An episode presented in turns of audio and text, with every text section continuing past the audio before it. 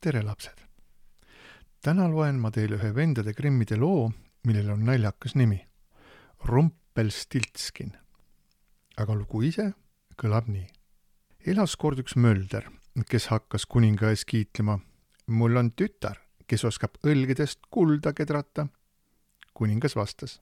see kunst on mulle meele järele.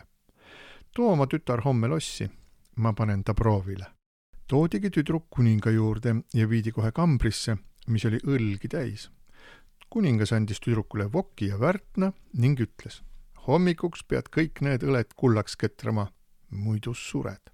seepeale sulges ta ukse ja tüdruk jäi üksi. möldri tütar istus nõutult, sest tal polnud aimugi, kuidas õlgesid kullaks kedrata. töö tundus nii raske, et ta hakkas nutma. siis avanes uks ja tuppa astus väike mehike tere õhtust, möldrineiu, tervitas ta sõbralikult. miks sa nutad? ma olen õnnetu, kuna pean õlgedest kulda ketrama, aga ma ei oska, kurtis möldri tütar. mis sa mulle annad, kui ma sind aitan, küsis mehike. tüdruk andis talle oma kaelakee. mehike istus voki taha ja vurr, vurr, vurr tõmbas kolm korda ja värten oligi kulda täis. nõnda muutis ta kõik toas olevad õled kullaks järgmisel hommikul tuli kuningas möldri tütre tööd vaatama. oi, kuidas ta imestas ja rõõmustas, kui nägi suurt kullahunnikut, kuid otsemaid hakkas ta veelgi rohkem kulda himustama. seepärast jättis ta möldri tütre järgmisel ööl veel suuremasse kambrisse, kus oli veel suurem kuhi õlgi. ketra kõik need õled ühe ööga kullaks, kamandas ta. vaevalt oli kuningas lahkunud, kui ilmus jälle väike mehike ja pakkus tüdrukule oma abi. vastutuseks andis tüdruk mehikesele seekord oma sõrmuse. mees istus voki taha ja vurr, vurr, vurr oligi värten jälle kulda täis. mehike ketras nii kaua, kuni kõik õled olid kullaks muutunud. kuid kuningale oli kuld nii väga meeldima hakanud, et ta viis juba järgmisel õhtul tüdruku kambrisse, mis oli veel suurem kui kaks eelmist. kamber oli jälle õlgi täis. kui sa kõik need õled ühe ööga kullaks muudad, võtan sul naiseks, lubas kuningas niipea kui kuningas lahkunud oli, avanes uks ja tuppa astus mehike. mida sa mulle annad, kui ma sind ka seekord aitan, küsis ta, kuid tüdrukul polnud enam mitte midagi hinge taga. siis nõudis mehike, luba, et annad mulle kuningannaks saades oma esimese lapse. ja tüdrukul ei jäänud muud üle, kui nõustuda. kui kuningas nägi järgmisel hommikul kulda täis tuba, pidas ta oma sõna ja võttis möldritütre endale naiseks aasta pärast tõi kuninganna ilmale ilusa lapsukese. ühel päeval avanes kuninganna toa uks ja sisse astus mehike. anna mulle nüüd, mida lubasid, nõudis ta.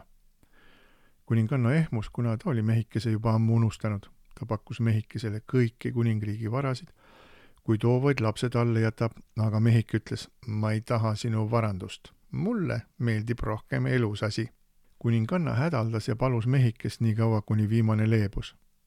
olgu, annan sulle kolm päeva aega. kui sa selle aja jooksul arvad ära minu nime, võid lapse endale jätta. kuninganna istus terve öö üleval ja proovis meenutada kõiki nimesid, mida ta kunagi kuulnud oli. järgmisel päeval tuli mehike kuninganna juurde ja too luges ette kõik nimed, mida ta teadis. aga mehike ütles ikka, ei, see mu nimi pole. viimaks mehike lahkus ja kuninganna saatis teele käskjala, kes uuris kõikjal nii kaugel kui lähedal, mida inimestele nimeks pannakse. kui mehike teisel päeval kohale saabus, kandis kuninganna talle ette ka kõige ebatavalisemad nimed.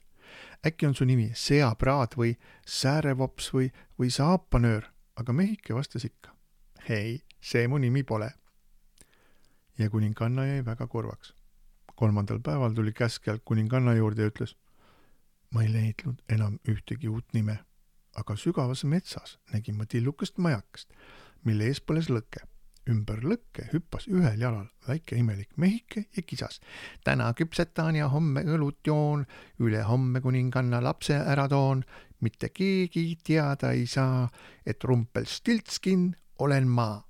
niipea kui kuninganna seda nime kuulis, muutus ta väga rõõmsaks. ta jäi kannatamatult ootama, millal mehike jälle tuleb lõpuks avanes uks ja väike mees astus tuppa. kavalalt naerates küsis ta. nii, lugupeetud kuninganna, mis mu nimi siis on? kuninganna küsis kõigepealt. äkki on su nimi Kask? Hm, ei, vastas mehike. aga äkki oled Kuusk? ei, vastas mehike ja hõõrus rahulolevalt käsi. aga äkki oled hoopis Rumpelstiltskin? Nüüd pistis mehike kisama. seda ütles sulle küll vanakuri ise, vanakuri ise. vihast vahutades virutas ta parema jalaga nii kõvasti vastu maad, nagu oleks pikne kärgatanud.